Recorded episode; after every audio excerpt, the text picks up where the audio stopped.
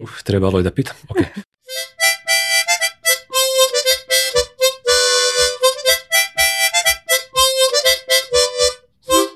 Počeo sam prvu radnu nedjelju takvom greškom koju je troje ljudi moralo da popravlja tri dana.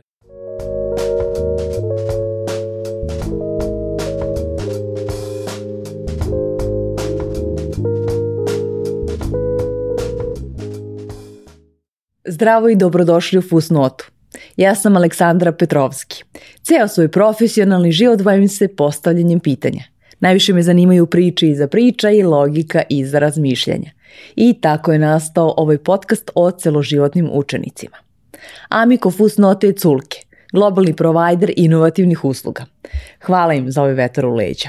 Također i vi možete da podržite Fusnotu jednokratnim donacijama na Paypalu. Detalje saznajte u opisu ove epizode. Moj današnji gost je softverski inženjer i fotograf, finalista kviza TV Slaglica. Osim što voli da deli znanje, Vladimir Tomić također svira klavijature, usnu harmoniku, igra šah i bavi se video animacijom. Zdravo Vladimir i dobrodošao. Zdravo. Ko si u suštini ti? U suštini ja generalno i volim da se predstavim onako ko sam u suštini. Nekako ne gledam sebe kao diplomiranog elektroinženjera, mastera, ovoga, onoga. u suštini pokušavam da budem pozitivna osoba kada god to mogu. volim da verujem da sam kreativna osoba. I, I u privatnom i u poslovnom okruženju nekako trudim se da unesem i tu kreativu i pozitivu. Tako da nemam pojma, ako bih morao nekom sintagmom da se predstavim, neka to bude kreativni pozitivac ili pozitivni kreativac. uh nabrojala sam već e, šta su sve tvoja interesovanje, onako dosta su šarenolika. Kako to uspeš da upakuješ pa na nedeljnom nivou, mesečnom nivou, kako da, to izgleda? Ovaj, ponekad je problem što dan ima 24 sata, uh, pa prvi, prvi recept je da radim od 9 do 5 i imam tu sreću da imam takav posao i u takvoj sam firmi gde mogu da se potpuno izolujem nakon 5 sati ili kada god da završim radno vreme, i odličan je taj work-life balance, tako da je to prvi recept i onda imam slobodno vrijeme za sebe, bilo da je to rano ujutro, popodne, kasno uveče, nebitno. Um, što se tiče svih tih interesovanja i hobija, mm, ponekad je bitno organizovati se, iako je to slobodno vrijeme, neformalne aktivnosti, ali nekad je potrebno i planirati. na primjer, jedno od mojih interesovanja je fotografija neke vrste fotografije ne mogu da izvedem u bilo koje doba dana, u bilo koje doba godine, nego moram da planiram da budem na određenoj lokaciji u pet ujutru, u osam uveče, u septembru, u junu, nebitno. Tako da iz te strane moram da se nekako unapred isplaniram i da, da organizujem svoj život. Opet, e, za sve, sve te vanškolske aktivnosti e, volim da, to jest ranije sam se trudio da svaki slobodan trenutak trošim na to. Dakle, da natjeram sebe da uzmem fotoaparat i izađem napolje. Ili ako je u pitanju, ne znam, muzika, uključim klavijature i odsviram dve pesme. Čak i ako mi u tom trenutku nije do muzike, ali da ostanem onako u, mhm. treningu. Tako da, eto, jednostavno ponekad moram da natjeram sebe, ponekad to ide samo sebe, samo treba imati vremena. Kada sam dobio dete, to se malo promenilo, tako da sada vremena baš i nema. E, fotografija najviše trpi jer za to mi baš baš mi je potrebno da imam neograničeno vreme, da ne moram da mislim da li moram da budem kući za sat vremena ili dva sata, nego jednostavno uzmem fotoaparat, izađem, ne znam kada se vraćam, nema me. Tako da trenutno fotografija je aktuelna jedino kada idem van Beograda negde na neko mini putovanje pa da onda eto ponesem i aparat pa tu priliku iskoristim. Što se muzike tiče, klavijature sam doneo u firmu, tako da tu, tu imam vremena. Jel onda sviraš kolegama ili u pauzi za... E, tu sviram sa par kolega koji se također bave muzikom. Jedan ima gitaru, ja imam klavijature, imam usnu harmoniku koja je onako zgodna, stane u džep, tako da uvijek je tu negde uz mene. I onda eto, ta, tako sam morao da se prilagodim da zadržim i vrijeme za te hobije. Kako su reagovali kolegi? Mislim, ti si pretpostavljam predoga ok pitao da li ja mogu da donesem klavitur, ali kako su generalno bile reakcije? Uf, trebalo je da pitam. E, e, pa nas dvojica smo se znači, dogovorili. da, znači dobro. E, dogovorili smo se, ajde da donesemo instrumente, ajde i onda imamo tu jedan slobodan, jednu slobodnu salu za sastanke, niko je nikad ne koristi, ajde da mi tu ubacimo ove naše rekvizite, ajde. Tako da eto, to je bilo onako nekako spontano, nije bilo nekog posebnog ni dogovora, ni traženja nekih dozvola, jer jednostavno nije ni okruženje takvo da moramo da idemo formalno po nekim procedurama da tražimo dozvole da sve i svašta. Imamo opet slobodu da malo i uživamo u nekim privatnim aktivnostima tokom tog radnog vremena. Hoće, hoće li Culke bend imati neki javni nastup?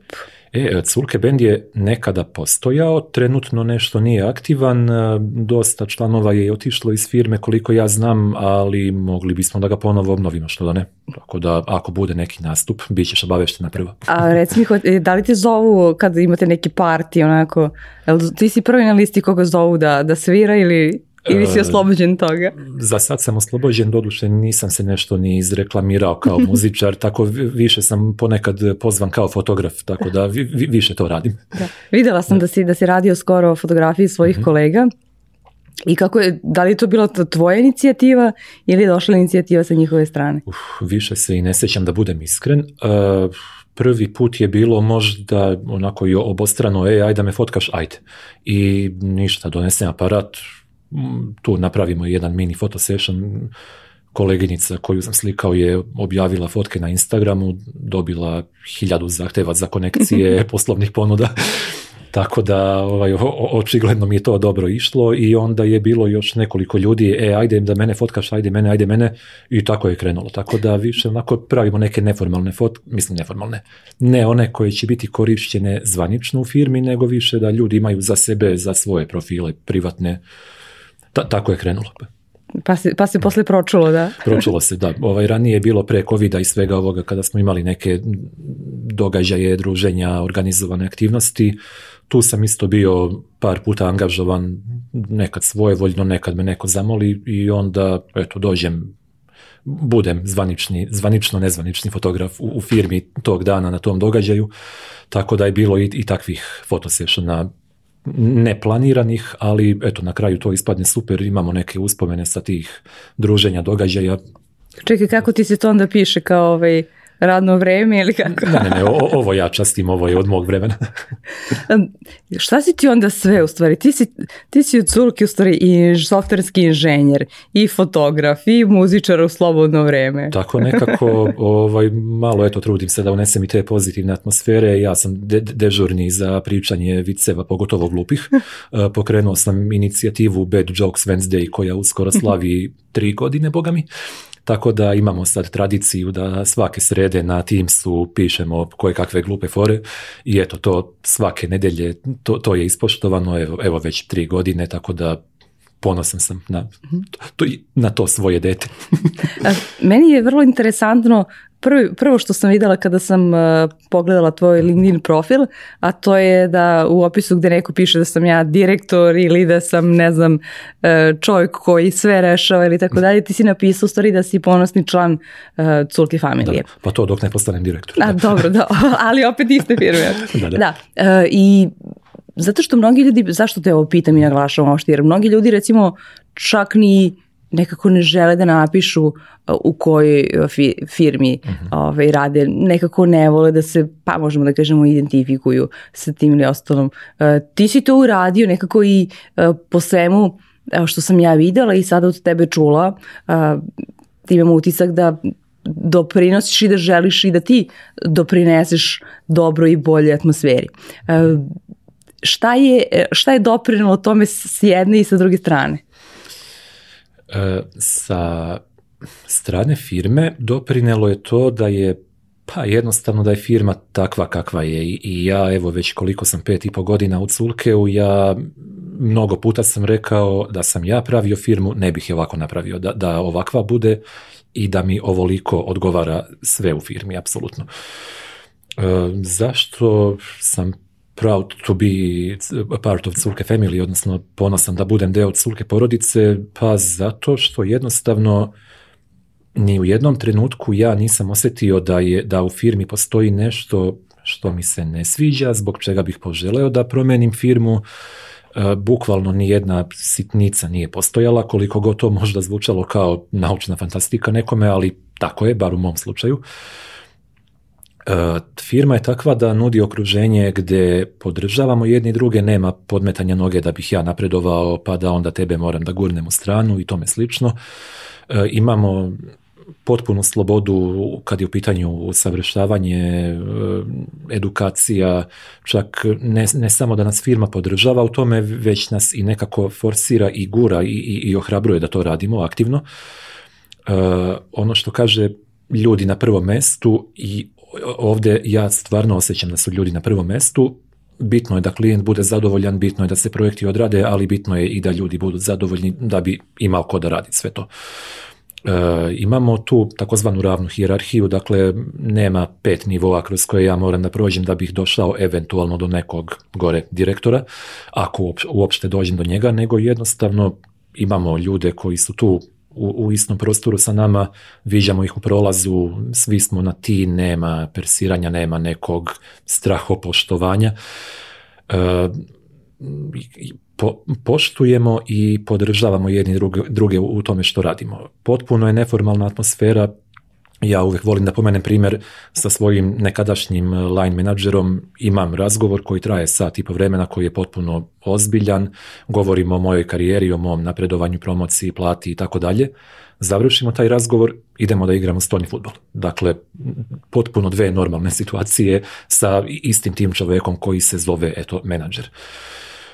E, zašto? Ne, kako izgleda, recimo, eh, kada si to spomenuo, taj moment da mi sad razvijemo mnogi imaju mhm. ovaj, taj problem da razdvojimo to, taj moment mi smo drugari, prijatelji, poznanici, dobri kako god i s druge strane treba da budemo vrlo poslovni i da na taj način razgovaramo kada o tome razgovaramo, mhm. da nema mešanja te dve stvari i da ukoliko je bilo nečega što se bilo koje strane nije ovaj, skroz dopalo, na tom trenutku sastanka za razgovore, da istovremeno to ne utiče na odnos nas privatno. Mhm. Pa to opet... Ne, vidim te iz ove situacije generalno. Jasno, jasno, da. E, ne, vidim da se bilo ko u firmi posebno trudi da to odvoji, nego generalno takav je mentalitet ljudi e, i znamo dobro, sada ne radimo ništa, idemo da igramo stolni futbol, nebitno. I tu se zna, tu smo ortaci, tu padnu svakakve reči tokom stolnog futbala. E, a opet kada igramo kada igramo, izvini, kada radimo ozbiljno, kada imamo sastanke, kada je formalna situacija, e, svi smo dovoljno i zreli i ozbiljni i dovoljno nam je stalo do toga da odradimo posao kako treba, da tu umemo da na kratko zanemarimo i, privatne odnose i te sve te fore koje u, u ličnim odnosima imamo i koje su aktualne. Tako da nema sad tu nekako da mora da neko baš preseči da kaže e ajde ljudi da se malo sad ozbiljimo da radimo, ne neko znamo kad je koja situacija i kako kada da se ponašamo. I možemo mi, da budemo i, i drugovi i da se privatno volimo ili ne volimo, ali opet s druge strane neki čovjek je tu moj menadžer ili tim lid ili kako god da se zove i u situaciji kada ja sa njim razgovaram o ozbiljnim temama, ja njega posmatram kao svog tim lida koji je zasluženo došao tu, koji ima kompetencije da bude tu i zbog toga on ima moje poštovanje i moju pažnju i ne znam, zbog toga ja hoću da, da, da čujem šta on kaže, šta on misli i potpuno je nebitno da li smo mi pre toga bili u, svađi ili smo se lepo družili ili šta god da je, kakva god da je bila situacija. Mm. Čula sam nedavno baš e, od jednog tvog kolege iz jedne druge firme, kaže, da je on pio kao, ha, ja sam sad postao tim lid, hoće li me sad oni zvati na pivo posle poslilice, napravi momentalno takva vrsta barijere, da. Pa prvo ću da pozdravim tim lida na pivo, koga drugog. dobro, dobro. Ovaj, ne, ne, pa kao što rekoh to, posle pet sati i, i dalje su potpuno isti odnos i to što je meni tokom radnog vremena neko tim lidi što ja sa njim imam neki drugi tip e, komunikacije, sastanka, koordinacije, čega god, to apsolutno ne utiče na bilo kakve van poslovne aktivnosti. E, reci mi kada si e, se prijavljivo za mhm. posao na ono, kome si sada, kada si imao razgovore i tako dalje, da li si rekao sve ostalo i, i čim se baviš? Da li je generalno u tvom um, CV-u stoji E, i da, da ti si fotograf i da sviraš klavijature mhm. i ostalo, da se baviš video animacijom i tako dalje. E, Davno beše kada sam posljednji put sređivao CV, e, mislim da da, čini mi se da imam taj deo hobi, interesovanja i šta već, i tu je sigurno bilo navedeno to za klavijature, za fotografiju, usna harmonika je došla malo kasnije, nju tad nisam imao u CV-u, to moram da updateujem. Uh, Mm, mislim da sam pomenuo skoro sve na intervjuu i čak se sjećam situacije na, na drugom krugu intervjua u Culkeu je bio kolega iz Nemačke koji se također bavi fotografijom. Ja sam to potpuno slučajno pomenuo i on je rekao, e, stvarno ja sam isto fotograf i onda je tu pre samog intervjua krenula priča o fotografiji jedno desetak minuta i tek onda smo prešli na ovaj zvanični deo da, ali eto, i pre nego što sam došao u firmu, našao sam nekoga ko ima ista interesovanja kao ja. I ne vidim uopšte da je to bio ili da je mogao da bude problem u bilo kom trenutku, jednostavno opet takvo je okruženje gde e, potpuno podržavamo to što ljudi imaju različita interesovanja, čak nekako i zanimljivo nam je da, da čujemo da neko ima neki, ajde, nekonvencionalni hobi pod znacima navoda, da, da, da čujemo o, različitim interesovanjima različitih kolega, da naučimo nešto o, o tome šta oni radi i šta oni znaju. Tako da je to potpuno normalna stvar. E, imali smo tokom covid kad je krenulo ono zaključavanje i rad od kuće i sve to, e, u pokušaju da malo opet povežemo i izbližimo ljude, pogotovo ove nove koji su tek došli u firmu, e, imali smo jednu seriju tih lunch tokova takozvanih gdje smo pričali o svojim hobijima, tako da i tu smo imali priliku da, da, da čujemo razne kolege koji pričaju o svojim hobijima, koji će možda da naprave neku demonstraciju, da objasne neke osnove ili jednostavno da, da pričaju zbog čega njih baš to zanima, zašto su baš to odabrali da se time bave u slobodno vrijeme. Tako da stvarno po celoj firmi je raširena ta kultura da, da jedni sa drugima pričamo o, interesovanjima i onda na osnovu toga možda i da pravimo neke mini grupe, događaje, aktivnosti, eto, mm. spontano odemo i odsviramo dve pesme pa se vratimo na posao, na primjer to. E, zbog čega, kako si ti izabrao sva ova interesovanje kojima se ti baviš? Uh, kako sam izabrao, da li sam izabrao ja njih ili, ili interesovanja mene, e, klavijature, odnosno muzika generalno, to je počelo još negdje u osnovnoj školi, i sećam se da mi je deda doneo sa nekog svog službenog putovanja neki mali synthesizer e, Casio koji sam eto pokušao da sviram, video da imam, odnosno neko drugi je video da imam talenat, to je onda, to se nastavilo kroz časove muzičkog, kroz učestvovanje u orkestru u školi, onda je u Lazarevcu, odakle sam inače e, bila otvorena neka škola klavijatura takozvana, ja sam tu krenuo, to je trajalo dve, tri godine, pa sam onda nabavio neki malo veći, veće klavijature, malo profesionalnije, ajde da kažem. E, to sam podigao na neki viši nivo i onda tako je počelo. I od tad, od nekog sedmog, osmog razreda osnovne škole jednostavno skoro da nije prošao dan bez, bez muzike fotografija. Kako je to krenulo, ja mislim opet kao klinac kad sam imao 5-6 godina, bilo mi zanimljivo kada odemo na more pa uzmem onaj stari fotoaparat, idiot takozvani, i onda fotkam nešto okolo, E onda kada razvijemo slike i, tek onda vidimo da to i nije bilo nešto mnogo kreativno, da sam više fotkao kante za sam sobrane noge, nebo, ne znam ja šta sve. E, I recimo pre desetak godina je to postalo malo ozbiljnije. Prvo je to bilo fotografisanje mobilnim telefonom kada sam Kad su postali drugačiji aparati, ne morali se, da se razvija film. kada nije mogao ipak svako da bude svako da, da pritisne dugme i da napravi nešto. E, prvo sam dobio svoj prvi smartphone i onda sam njime počeo da malo fotkam, to mi je bilo zanimljivo, pa onda sam nabavio neki onaj kompaktni mali fotoaparat, on mi je bio zgodan jer stavim ga u džep od jakne i gdje god da krenem, on mi je tu negdje pri ruci, mogu da slikam po gradu, bilo gdje, bilo šta.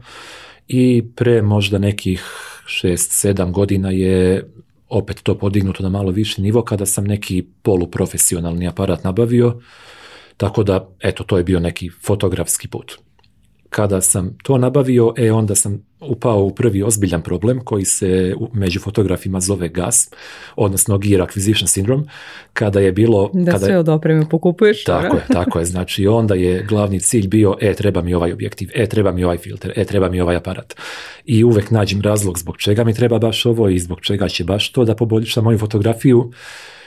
Ima i toga, Dakle, neka, neka vrsta fotografije jednostavno ne može bez određene vrste opreme da, da se izvede, ali opet e, na vreme sam shvatio i da je mnogo bitnije učiti o tehnikama kompozicije, o tome kako da iskoristim boje, svetlo, senku, dakle neke stvari koje mogu da uhvatim i koje su tu predamnom, nezavisno toga da li imam aparat od 5000 evra ili od 50 evra.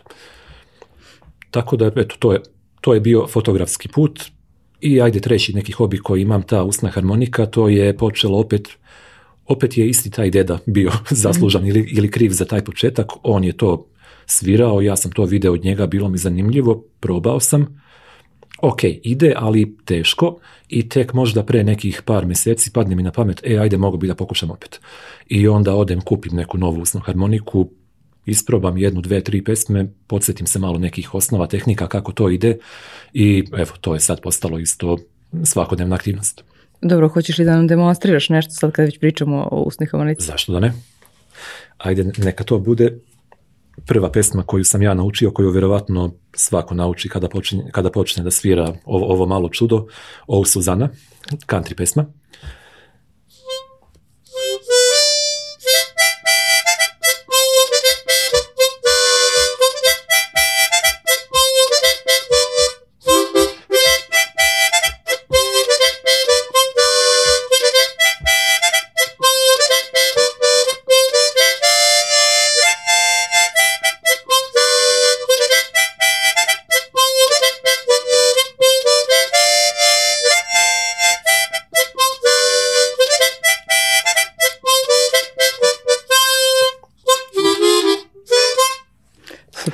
hvala e, ovaj, zato što su one klavijature ostale na poslu, mm -hmm. pa mhm. sad imaš neki instrument kod kuće da sviraš, ili tako? Pa, tako nekako i kod kuće, a evo ovo toliko je zgodno malo praktično, tako da često sviram i u kolima na putu, na, putu od kuće do mhm. posla i nazad, tako da stvarno i imam priliku za vežbanje kada god mi padne na pamet. Mm kako izgleda sad taj moment, e, to su se neki periodi učenja nečeg novog, ili tako?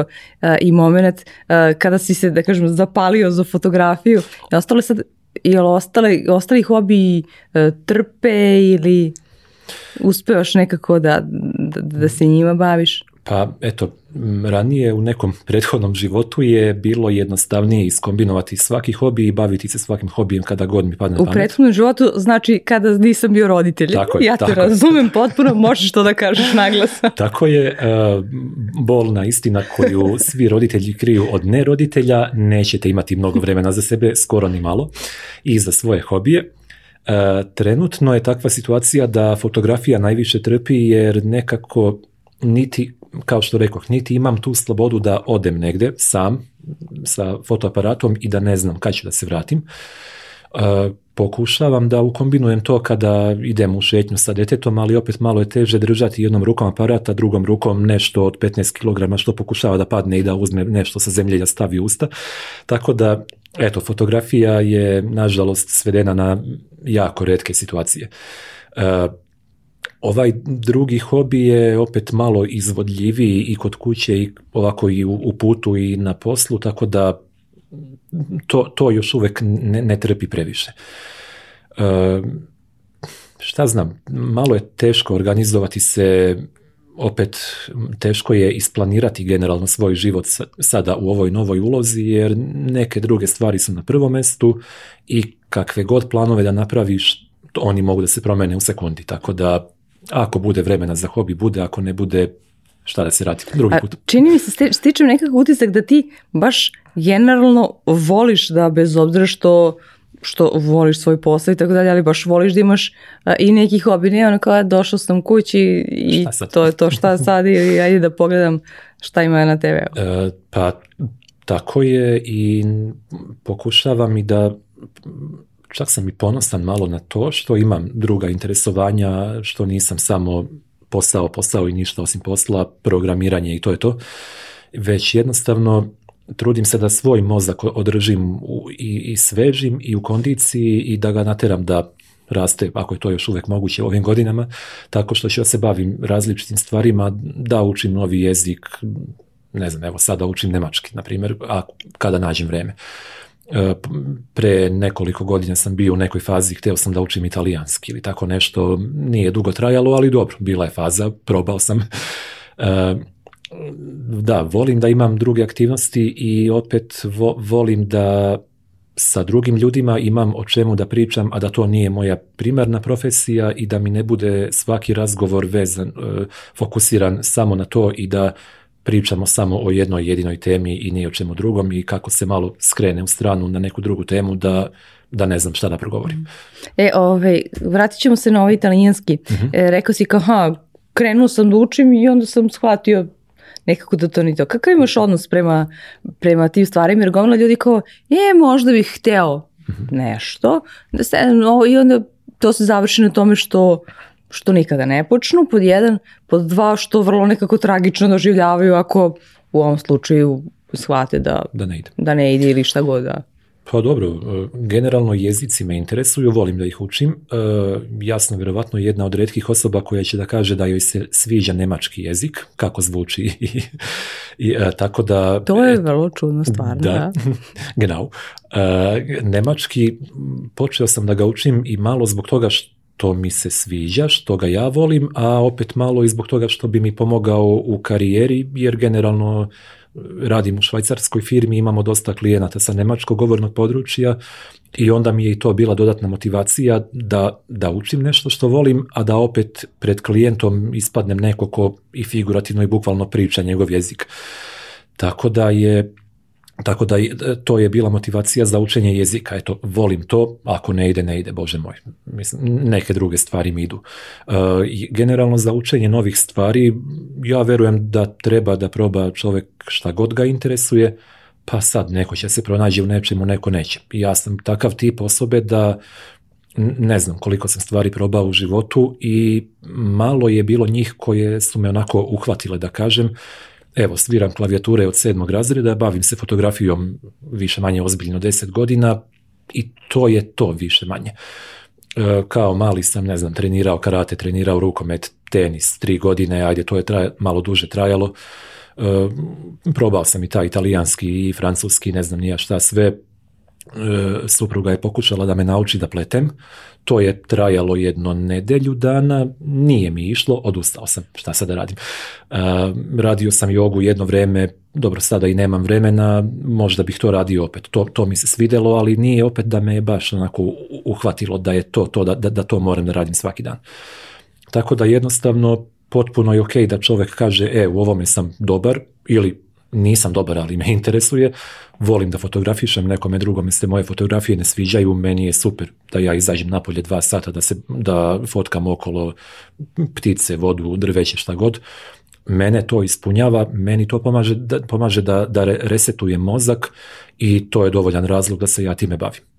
Da li ću da uspem ili ne, šta god bio kriterijum uspeha, da li će to da se nekome drugome svidi ili ne, potpuno nebitno ako je to nešto od čega živim, ako ja moram da napravim dobru fotografiju na venčanju, krštenju, rođendanu, ok, to je druga stvar, ali to je već posao, to nije hobi. Da, e, Baš mi je drago zato što, si, zato što si to rekao i na prvo mjesto zato što to tako doživljavaš. Jer kao da, prvo treba nama da se dopadne tako. šta god, pa posle toga i da uživamo u tome, pa posle da, ovaj, ovaj sad evo, pade mi upravo na pamet, e, pročitao sam baš negde pre neki dan e, tekst zašto E, kako, kako su ga nazvali, e, zbog čega niko ne treba da vidi vaše fotografije. I u tom tekstu je lepo opisano da to što se neko bavi fotografisanjem uopšte ne znači da bilo ko drugi na ovom svetu te fotografije mora da vidi i da u njima mora da uživa. I zašto je to bitno? Meni lično. E, zato što sam često uhvatio sebe kako prilikom pravljenja kompozicije, prilikom kadriranja čega god, šta god da fotografišem, ja onako e, nesvesno, nesvesno razmišljam, svesno razmišljam o tome da li će ovo da se uklopi u onaj 4 puta 5 format na Instagramu, da li će ovo da bude dovoljno visoko, široko, da li da isečem ovde, da li da ne znam, promenim ovo ili ono. I onda od neke fotografije koja je inicijalno mogla da bude mnogo dobra i da bude mnogo dobra kompozicija, ja napravim nešto prosečno da bi se to uklopilo u format na Instagramu ili u bilo šta drugo. Zašto? Da bi to neko drugi mogao da vidi. Umjesto toga mogu jednostavno da napravim fotografiju koja se meni sviđa, ja ću da je držim na, na računaru na pozadini ili da je, ne znam, odštampam da je držim na zidu i to bi trebalo da bude dovoljan razlog za bavljenje ovim hobijem. Mhm. E, ti si otvorio u nekom trenutku Instagram profil kada smo već e, kod toga i gde je sad taj moment gdje ti preskočiš tu stranu, ima da mnogo ljudi koji kojim god hobijem da se bavili, to, to ostave za sebe. Ti si odlučio da, da to javno uh, podeliš. Da, e, inicijalno, evo da, da budem iskren, motiv za otvaranje Instagram naloga je bio upravo to da drugi ljudi vide moj rad, da dobijem lajkove, da drugi vide koliko sam ja dobar u ovome. E, taj period kada sam mislio da sam mnogo dobar u fotografiji, to je bila ona gornja tačka one Dunning-Krugerove krive kada veoma malo znam, a mislim da mnogo znam. E, I onda je ta kriva počela da pada kada sam shvatio koliko zapravo ne znam o fotografiji i koliko su zapravo te moje fotografije loše i tehnički i kompoziciono i na svaki drugi način. E, e onda je taj Instagram nalog ostao eto, ajde, kad sam ga već otvorio, pa hajde da i dalje kačim nove fotografije, možda od nekoga dobijem neki feedback, e, ajde, ovo bi moglo da bude ovako ili onako, da, da se poboljša na taj način i da mi to bude, da mi to bude još jedan od izvora e, i znanja i korisnih savjeta kako da poboljšam to čime se bavim.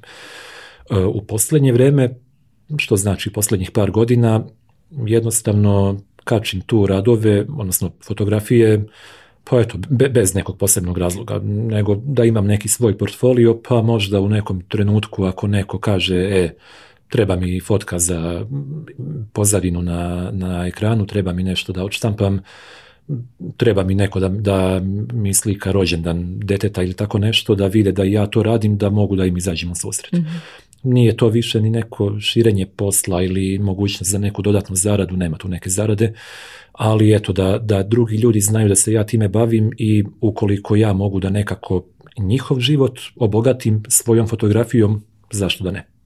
E, spomenuo si da taj trenutak kada e, ti kažeš uhvatio sam sebe da fotkam za Instagram praktično. E, I šta si tada uradio? Jel si rekao, ha, ovo neće više ovako ili si nekako opet nastavio? E, ponekad i dalje to radim. Ne često i trudim se da, da ne upadam u tu zamku, e, ali ajde da kažemo od 20 fotografija 19 napravim za sebe, ona jedna bude, tako da... da Što si je planirao da objaviš, da. Tako je, tako je. Mm, biće objavljenih i ovih 20, ali i ovih 19, neka će da bude malo više isečena ili nešto drugo, ali opet poenta mi je da imam taj svoj portfolio i pre svega poenta mi je da fotografišem stvari koje volim, da to radim jer me to jednostavno ispunjava. Tako. Mhm. E, kako sada, e, i tu treba da stekneš neka nova znanja, rekao si u nekom trenutku sam ja shvatio da nisam dovoljno dobar, da treba e, i tu da učim i ostalo. E, kako kombinuješ tu sticanje novih nekih znanja i da ostaneš u formi, rekao si malo pre da nekad i kada ti nije do toga, ovaj, da, da to radiš, što mi je bilo zanimljivo. Da, pa tu, tu nova znanja stičem pre svega preko YouTube-a, pratim nekoliko dobrih fotografa i onda gledam njihove klipove, gledam šta oni rade i tu onda dobijam neke ideje i one aha momente kako stvari to može da se uradi. I prepoznajem neke situacije koje sam ja ranije imao, u kojima sam ja potpuno nešto drugačije, da ne kažem pogrešno uradio, a vidim sad da može i ovako. E, pored YouTube-a imam par nekih knjiga o tehnikama kompozicije, o korištenju svetla, ekspoziciji i tako dalje. I to je neko dobro teorijsko znanje, ali opet najbitnija stvar je po meni praksa. Dakle, da uzmem fotoaparat, da izađem napolje, sunce, kiša, rano ujutru, kasno uveče, nebitno, kad god imam vremena, kada god mi ostale okolnosti to dozvoljavaju. I kroz tu praksu ja najbolje učim i najbolje shvatam šta pogrešno radim, najbolje upoznajem mogućnosti svoje opreme, šta može da uradi ovaj fotoaparat, ovaj objektiv i tako dalje. Tako da je to po meni najbitniji deo. Ok je čitati knjige, gledati videoklipove, neke kurseve, pratiti šta god, ali jednostavno praksa je nezamenljiva. Primjera radi, eh, napravio sam fotografiju pre možda nekih, ne znam, 3 četiri godine, ne znam više nijako koliko je bilo, E, dva dimnjaka toplane na, na Novom Beogradu, između njih pun mesec i avion koji tu preleće, dakle koji kao da ulazi u taj mesec. I to je fotografija koja je nastala negde oko šest ujutru i nastala je tako što sam noć pre toga seo, pogledao na jednom sajtu kada mesec izlazi, na kojoj će biti poziciji, iz kog ugla bih mogao da ga najbolje vidim onda otišao na sajt aerodroma, video kad poleću avioni, otišao na sajt e, hidrometeorološkog zavoda da vidim iz kog smjera će duvati vetar, pa onda avioni poleću u vetar, aha, znači idu na ovu stranu i onda iskombinovao gomilu nekih stvari da bih bio to je više matematika. Tako, tako je, ali eto, to je, to je bilo bukvalno pola dana pripreme da bih otišao na ne znam, most na pet u 5.50 ujutru i da dva puta pritisnem dugme i da se vratim kući eto, za jednu fotografiju nekad je potrebno i toliko pripreme. A opet imam i one spontane situacije kada jednostavno uzmem aparat, izađem napolje, nemam pojma šta ću da fotografišem i jednostavno šta god mi bude zanimljivo, ok, klik, to je to. Mhm. Da, ali ovdje recimo e, tvoje, rekla bih, inženjersko znanje došlo do, do izražaja, mhm. zato što, dobro, verovatno da, da nekome baš profesionalno, profesionalno fotografu bi svi ti proračuni pali na pamet e, da uradi ne bi li uhvetio taj trenutak, zabeležio taj trenutak zapravo. Pa dobro, ima i toga. Ima i toga, ovaj, s jedne strane ja kažem, čovjek mora da bude malo poseban da bi se bavio fotografijom onako detaljno i ozbiljno i mora da bude spreman i na takva neka istraživanja proračune, nazovimo ih kako god, i na to da ustane u pola pet ujutru i na to da na minus 20 e, bude u jednom položaju pored reke da bi uhvatio labuda kako poleće sa površine Dunava, ne, ne, ne znam šta god. E, s druge strane, sad koliko ima i tih inženjerskih momenata, pa ima ih sigurno opet, e, kao što sam i ranije rekao tokom razgovora, ne mogu bilo koju fotografiju da napravim ni u bilo koje doba dana, ni u bilo kom godišnjem dobu, ni u bilo kojim vremenskim uslovima, tako da neke stvari moram da unapred istražim, da ne kažem da ih predvidim i da ih isplaniram tako da se sve kockice poklope kako bi nastala ta savršena fotografija, šta god to savršeno značilo za mene. A koliko su uh, svi ovi hobi o kojima smo sada pričali, ti se nisi dotakao ni, in, e, toga da, da si šahista, e, niti da se baviš animacijama, koliko je sve to doprinalo da ti budeš bolji inženjer? Uh možda ne direktno. Znači, to što ja sviram usnu harmoniku ne znači da ću da pišem bolji kod. Ali, ali to što da, da, sviraš klavijature... Možda poboljša brzinu kucanja, da. E, pa meni pre svega znači to što ja tokom bavljenja bilo kojim hobijem, bilo kojom neposlovnom aktivnošću nekako isprazni mozak, resetujem se da tako kažem i nebitno da li je to bilo 10 minuta sviranja ili je bilo 2 sata fotografije, ja nakon toga mogu da se vratim pred kompjuter potpuno svež, potpuno spreman da radim koliko je potrebno da radim i to što mi je mozak ispražnjen e, možda dovede do toga da lakše dobijem neku ideju da u sekundi nađem rješenje nekog problema koji nisam mogao da rešim sat vremena, dakle ima i takvih situacija. Nekad je stvarno bitno, bar u ovom našem poslu, napraviti pauzu, skloniti se od kompjutera na pet minuta, na sat vremena, na dan, nebitno, i onda se vratiti kada je mozak spreman jednostavno da, da i generiše i da prihvati neke nove ideje. I to je po meni i najbitnija stvar što kaže u ovom poslu dešava se često da pet minuta, razmi, da pet minuta kodiram, a 55 minuta razmišljam. Mm. Ili 55 minuta šetam okolo i ne radim ništa i onda mi samo dođe ideja neka, aha, ovako bih ovo mogao da rešim.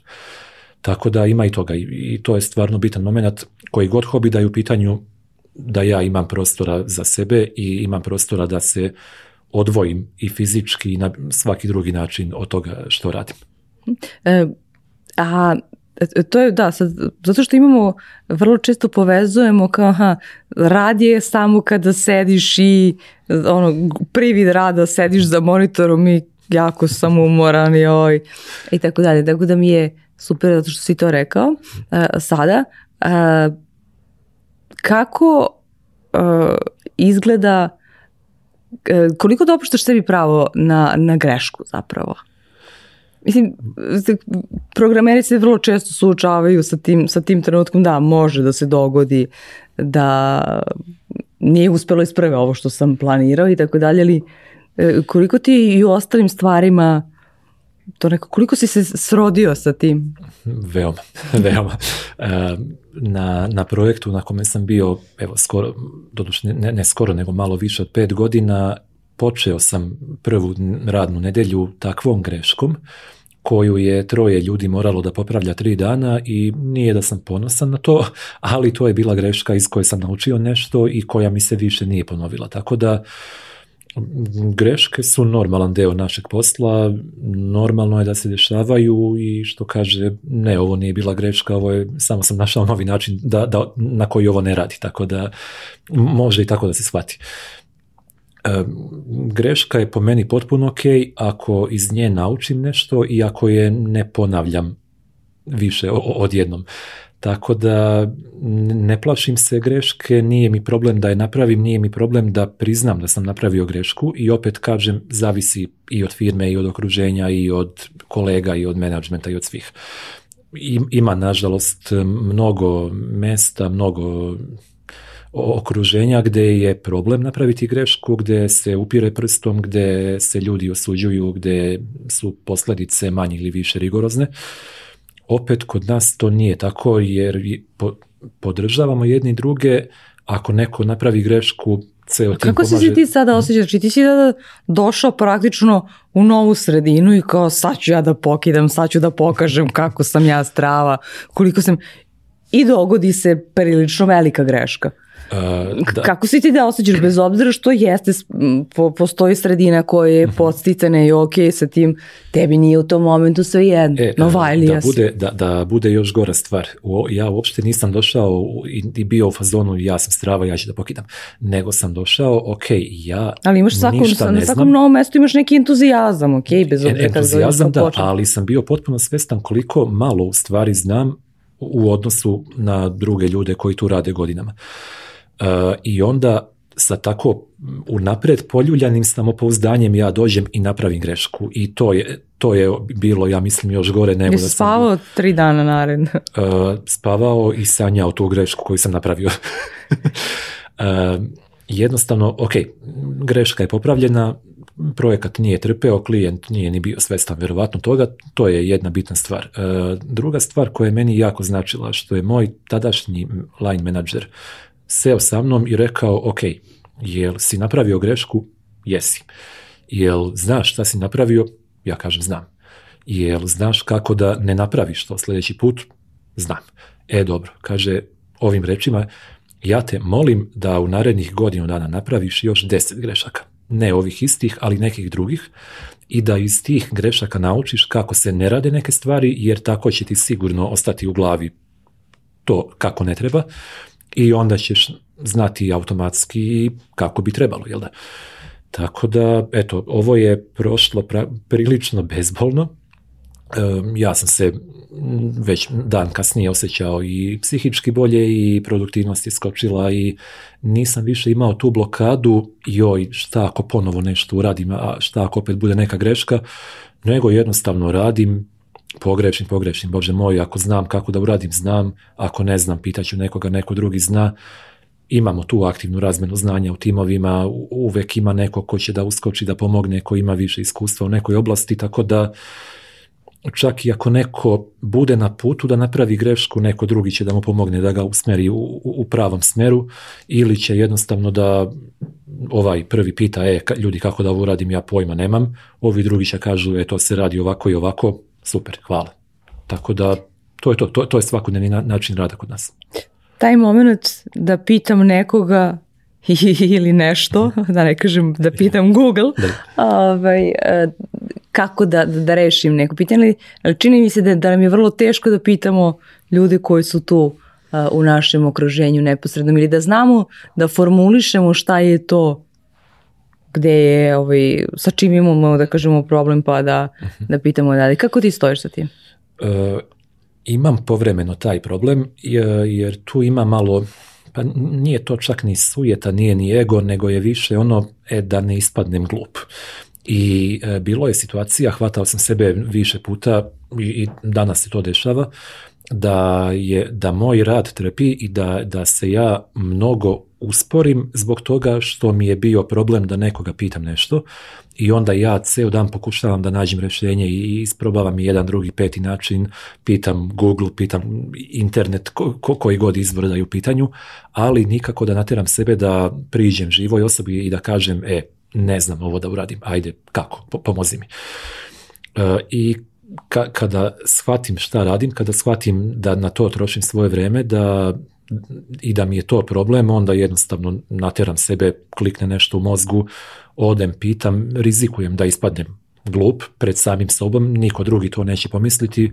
Najnormalnija stvar je da, da ne znam nešto, da, da uradim nebitno da li imam pet dana ili pet godina iskustva, i jednostavno prihvatio sam to da je najnormalnije pitati nekoga za pomoć, da, da nije sramota ne znati, nije, nije sramota ispasti glup, nego jednostavno da je čak i poželjno pitati nekoga ako će to da te ubrza i ako ćeš tako da budeš produktivniji. Tako da, eto, samo je pitanje u kom trenutku ljudi shvate da je to ispravan pristup i da je to zapravo manja šteta nego da, da će i da se pravim, da sve znam, a u stvari i ja se raspadam unutra i, i raspada se i to na čemu ja radim. je li isto tako i sa, ovo, što si sada naveo kao primjer je tvoj posao, je isto tako i, i ono što su ti hobi? E, da, da, da. E, u, smislu isto tako kao sedim nešto pa vrtim sam, vrtim, vrtim ili, ili odiš da pideš nekoga. Mm, sad kad je muzika u pitanju, nažalost, tu nemam previše sagovornika jer ne krećem se baš u krugovima ljudi koji se time onako ozbiljno bave. Tu je više oslanjam se na svoj sluh, na nešto što nađem na internetu, na youtube i onda ajde probam ovo, odsviram ovako onako i vidim aha, o, ovo radi, o, ovo je super. E, kad je fotografija u pitanju, imam par prijatelja koji su fotografi i tu mi nije problem da ih pitam i, i čak volim da pričam sa njima na te teme i mnogo sam dobrih savjeta dobio i nivo moje fotografije je mnogo unapređen zahvaljujući tome što sam od njih čuo i nekim tako malim tajnama velikih majstora koje sam od njih pokupio. E, ono što je tu meni problem je što se ja ponekad loše osjećam jer znam da ti ljudi žive od fotografije, znam koliko su oni uložili u svoju edukaciju, da je to praktično njihov primarni izvor prihoda i onda meni ponekad bude glupo da ja sad dođem i pitam njega kako on radi nešto na čemu je on radio prethodnih deset godina i u čemu je postao ekspert i sad ja dođem i hoću sve ono na tanjiru, na izvolte. Tako da meni to ponekad bude malo glupo, ali potrudim se da to provučem kroz neki razgovor, onda krene priča na tu temu, ja pitam, e, a kako, kad smo već kod toga, kako bih ovo mogao da izvedem, čovjek mi kaže najnormalnije treba da uradiš to i to, šta god da je u pitanju, ja to probam, uradim, ok, hvala ti, super, to je to. A kako se osjećaš i da li si bio u obrnutoj situaciji da neko ko mada nema toliko ljudi koji se hobistički bave ovaj, programiranjem, a, ali dođe, dođe kod tebi i isto tako ko razmišlja, o, vlada 200 godina se bavi programiranjem, kao ja sad treba dođem da ga pitam nešto, jer si bio u takvoj situaciji, kako si razmišljao da? E, ne baš u takvoj situaciji, bilo je ljudi koji su iz potpuno neke druge oblasti, pa su imali ideju da pređu u IT, mhm. IT u nekom vidu, da počne se bave programiranjem, E, pitali su me za, za savjet odakle da počnu, šta da uče, kako da, da, da krenu. A ti si rekao, moj. ne, ne, ne, ja sam, ja sam rekao, ok, kreni, ali evo ovako, put izgleda ovako. Prvo nauči ovo, pa onda ovo, pa onda ovo. E, onda vidi da li hoćeš da ideš u smjeru A ili u smjeru B, onda ti je naredno za učenje to, to, to i to. Mogu da ti preporučim knjige, online sadržaje, šta god. E, I to je nekako bilo dovoljno da ljude obeshrabri, jer verovatno danas svi očekuju neko instant znanje, instant uspjeh. Ako bilo čemu moram da, da posvetim više od par mjeseci svog života da, da se edukujem i da dođem do nekog nivoa, to je previše. To je mhm. strašno, to je obeshrabrujuće i to je dovoljan razlog da se odustane, nažalost. Tako da imao sam par takvih situacija kada sam takve savete delio. E, što se tiče konkretno nekih tehnika u programiranju i takvih savjeta, e, imao sam par puta priliku da držim neke na konferencijama neke govore, neke mini radionice, ajde da tako kažem, E, imali smo jedan hakaton koji je FON organizovao za studente gdje smo par kolega i ja držali opet neke radionice gdje smo ih učili kako da određenu tehnologiju potrebe da naprave, ne znam, frontend ili backend deo neke aplikacije. I e, evo, naj, najskorije iskustvo je bilo što sam sa još jednim kolegom na ETF-u kao gostujući predavač E, držao vežbe iz, e, bezbedno, iz razvoja bezbednog softvera. Tako da to, je, to su bile konkretne situacije kada delim svoje znanje, objašnjavam ljudima koji imaju manje iskustva kako se nešto radi, šta su dobre prakse, a šta ne. I po meni je to potpuno ok. Nemam problem sa tim, nemam problem da ja sad eto besplatno delim znanje pa će taj neko sutra meni da ukrade posao ima još uvijek dovoljno posla u ovoj našoj oblasti i bilo bi dobro da, da bude što više ljudi koji se ovime bave na dovoljno visokom nivou da na kraju svi možemo kao deo jednog tima da uradimo dobar posao, da klijent ili kogod je stakeholder da bude zadovoljan i da onda mi od toga profitiramo i financijski i onako da, da budemo zadovoljni, da mhm. budemo ispunjeni time što smo radili. E, da demonstriraš svoje znanje, ali ne iz oblasti programiranja. uh Imao si e, priliku kada si bio učesnik slagalice Tako i Boga mi pohvalile su te kolege da si stigao do finala. Do finala, da. E, otkud u stvari prvo mi imamo svi predrasude da su programeri jako introvertne osobe, a to nisu samo predrasude, ali otkud, se, otkud si se prijavio uopšte za slagalicu, i otkud toliko raznovrsna znanja mhm. za e, tako jedan kviz. Samo jedna rečenica, ovaj programer je bio jako introvertna osoba i mnogo je morao da radi na tome da, da bar malo prestane da bude takav. Uh, što Jel to me slagalica e, ne, ne, ne, slagalica je došla tek kasnije, tako ta, tad sam već bio na malo ekstrovertnijoj, jem delu spektra, da tako kažem.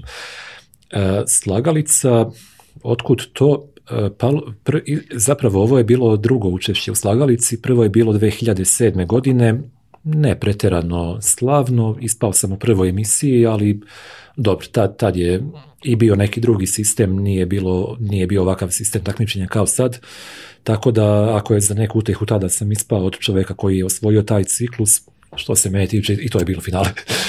E, ovaj put, eto, palo mi na pamet da se ponovo prijavim, kao ajde, nisam bio odavno, pošaljem prijavu, pozovu me. I... Da, sad taj moment, izvini, ko kao prethodno si ispao u prvom krugu i sad ti se opet vraćaš na, na ovaj... Na e, tako nešto, kao došlo, pro, došlo, prošlo dovoljno vremena da zalečiš te rane ili... da. E, pustio sam vratu. E. pa jednostavno, više motiv bio ajde, zanimljivo mi je, ajde da probam opet, da, da vidim ovaj put kako će da bude, da prođem prvi krug i to mi je, to, to je cilj, super, ako to uspem odlično, ako bude bilo šta više od toga, još bolje. A ako opet ispadnem u prvom krugu, bože moj, šta sada se radi? E, prija, prijavim se, odem, prođem osminu, četvrtinu, polufinale, preko dobro, ovo je bolje nego što sam očekivao. I onda dođem do, do tog finala gdje i nisam baš najslavnije prošao, ali opet bilo je sjajno iskustvo i ne znam, ne, ne, mora tu da se opet poklopi ne samo znanje, nego možda protivniku nije bio dan, možda sam brže kliknuo od njega u nekoj igri, ima tu hiljadu faktora. Tako da sve u svemu bilo je jako pozitivno, bilo je ponovo bih otišao i prijavit ću se ponovo, ali ajde neka prođe par godina, opet ni oni me vjerovatno ne bi pozvali, a, da ne prođe dovoljno vremena.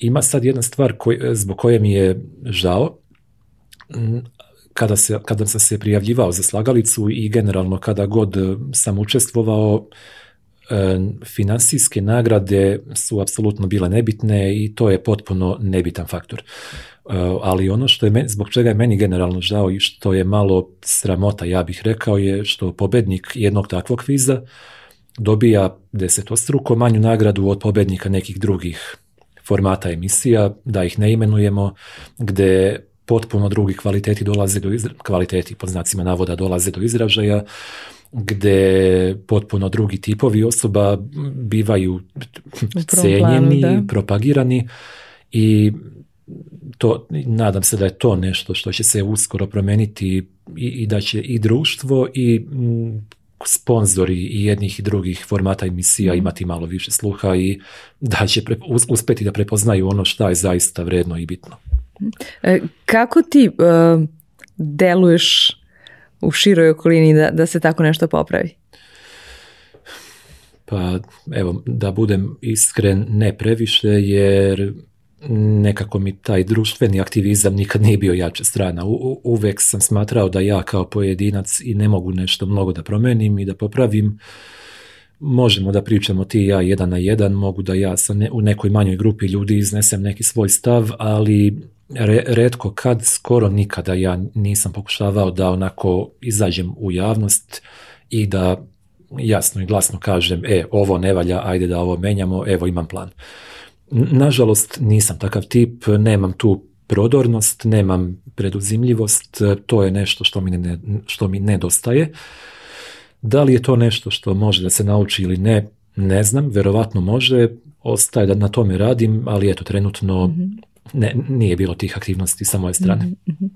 Pa dobro, ali e, ovi, učestvo si s druge strane i na, na, na i tako dalje, što jesu mali doprinosi e, na bilo koji način deljenju dalje znanje i ostalo Imali koraci da, da nekako promenimo e, neke stvari svojim primjerom damo pozitivne Tako ono što svakog gosta pitam je šta je bila tvoja, šta je tvoja najveća lekcija od početka pandemije?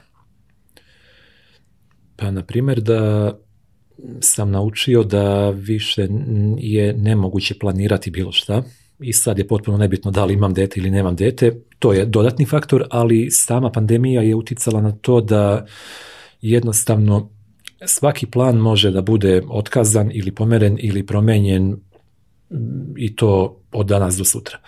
Evo, pre pandemije supruga i ja u januaru isplaniramo, rezervišemo i uplatimo aranžman za letovanje u julu. I ta, mi 5. januara znamo da ćemo 5. jula da idemo u to i to mesto, da ostajemo 10 dana, da nas to košta toliko i toliko i to je bila najnormalnija stvar. E, danas. Ja mislim da 25. juna, ja ne znam da li će 5. jula u nekoj zemlji važiti neko novo pravilo, da li mi treba neka druga vakcina, neki drugi papir, da li mogu da uđem u tu zemlju uopšte ili ne. Tako da pandemija je doprinela tome da je sve postalo neizvesno i na privatnom i na poslovnom planu i jednostavno sutra može da se desi bukvalno bilo šta o čemu mi danas pojma nemamo, niti nam je u nekim najluđim snovima da, da to može da bude.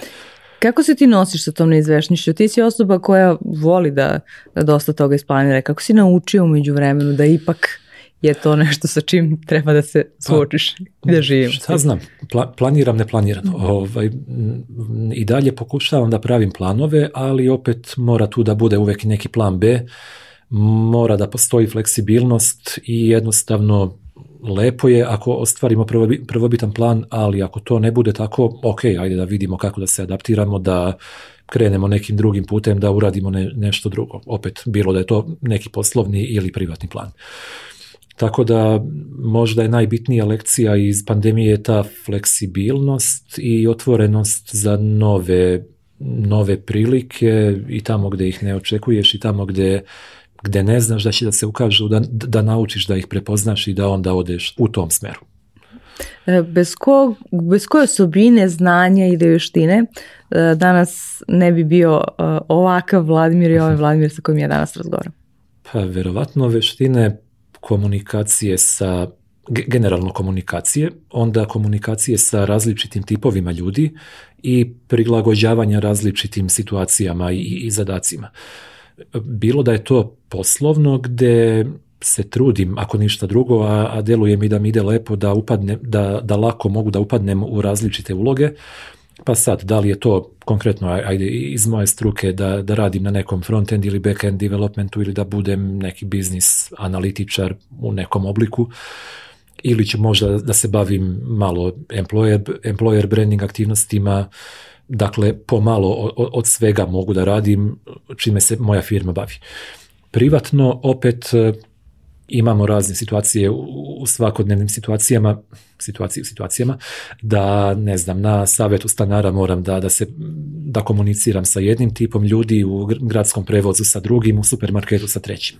Treba se prilagoditi i znati kako da da izvučeš najbolje iz svake od tih situacija i iz svakog od tih tipa ličnosti. I to je tebi vežba. Uh, hoću ti si to, to ovaj, vežba. to je kako... vežba koju ja i dalje mhm. upražnjavam. E, tu je opet e, moja supruga imala prilično veliki doprinos. generalno njoj komunikacija ide mnogo bolje sa, sa raznim ljudima, Uh, psiholog je po struci, tako da ima i malo tog teorijskog znanja kako kome prići, i ja sam primetio da ona mene tera onako aktivno da ne znam, ja pozovem da zakažem pregled u domu zdravlja, da ja odem na skupštinu stanara, da ja uradim ovo ono gde ću da budem izložen komunikaciji sa raznim ljudima i meni to znači i ja primećujem da, da mi to ide sve bolje i bolje.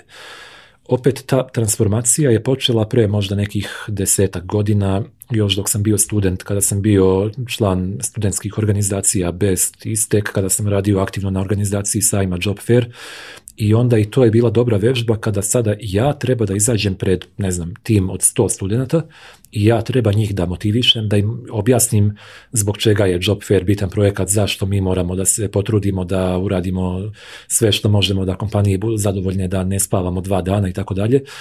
I odatle je krenulo i ja često volim da kažem da, da nije bilo Besta, da nije bilo Job Fera, ovaj Vladimir ne bi bio ovakav kakav je sad.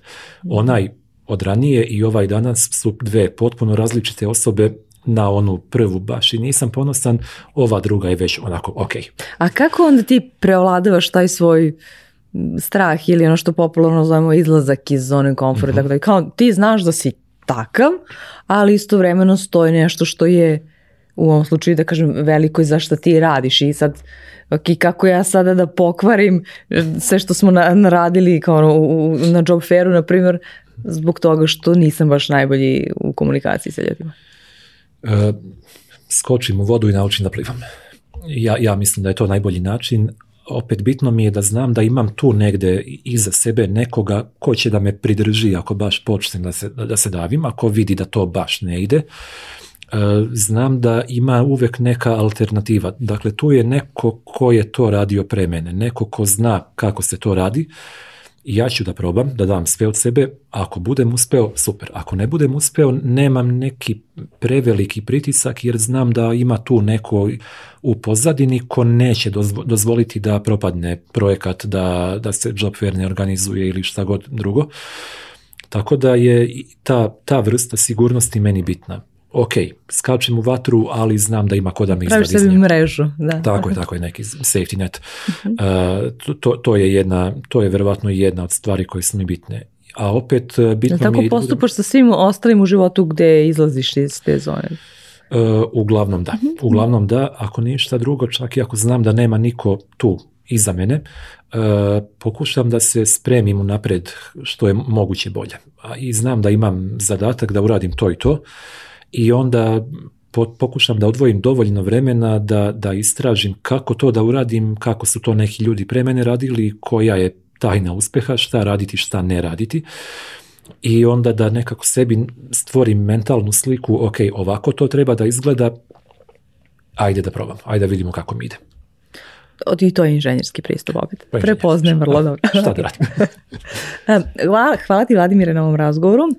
Hvala. u znak e, sećanja, da kažem, na, e, na ovaj razgovor, ja ti poklinim zajedno sa krajačevom školom e, godin dana besplatnog pristupa njihovoj online platformi za učenje, tako da ćeš i tu imati priliku da naučiš možda da poboljšaš neke svoje ili meke veštine ili nešto drugo šta, šta samo da bereš, ali mi smo pripremili isto tako, jedan poklon za sve koji nas slušaju ili gledaju. Tako je a to je e, vaš, vaš poklon dobrodošlice svima novima u Culkiju. E, u okviru njega je e, i ova šolja i još nešto ljudi će se obradovati šta tako da, zavire na neki način malo šta se dešava u Culkiju.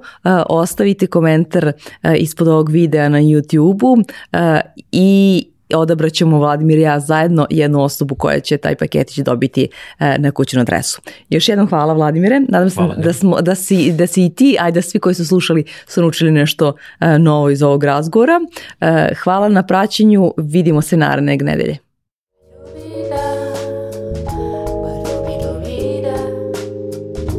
Pa pa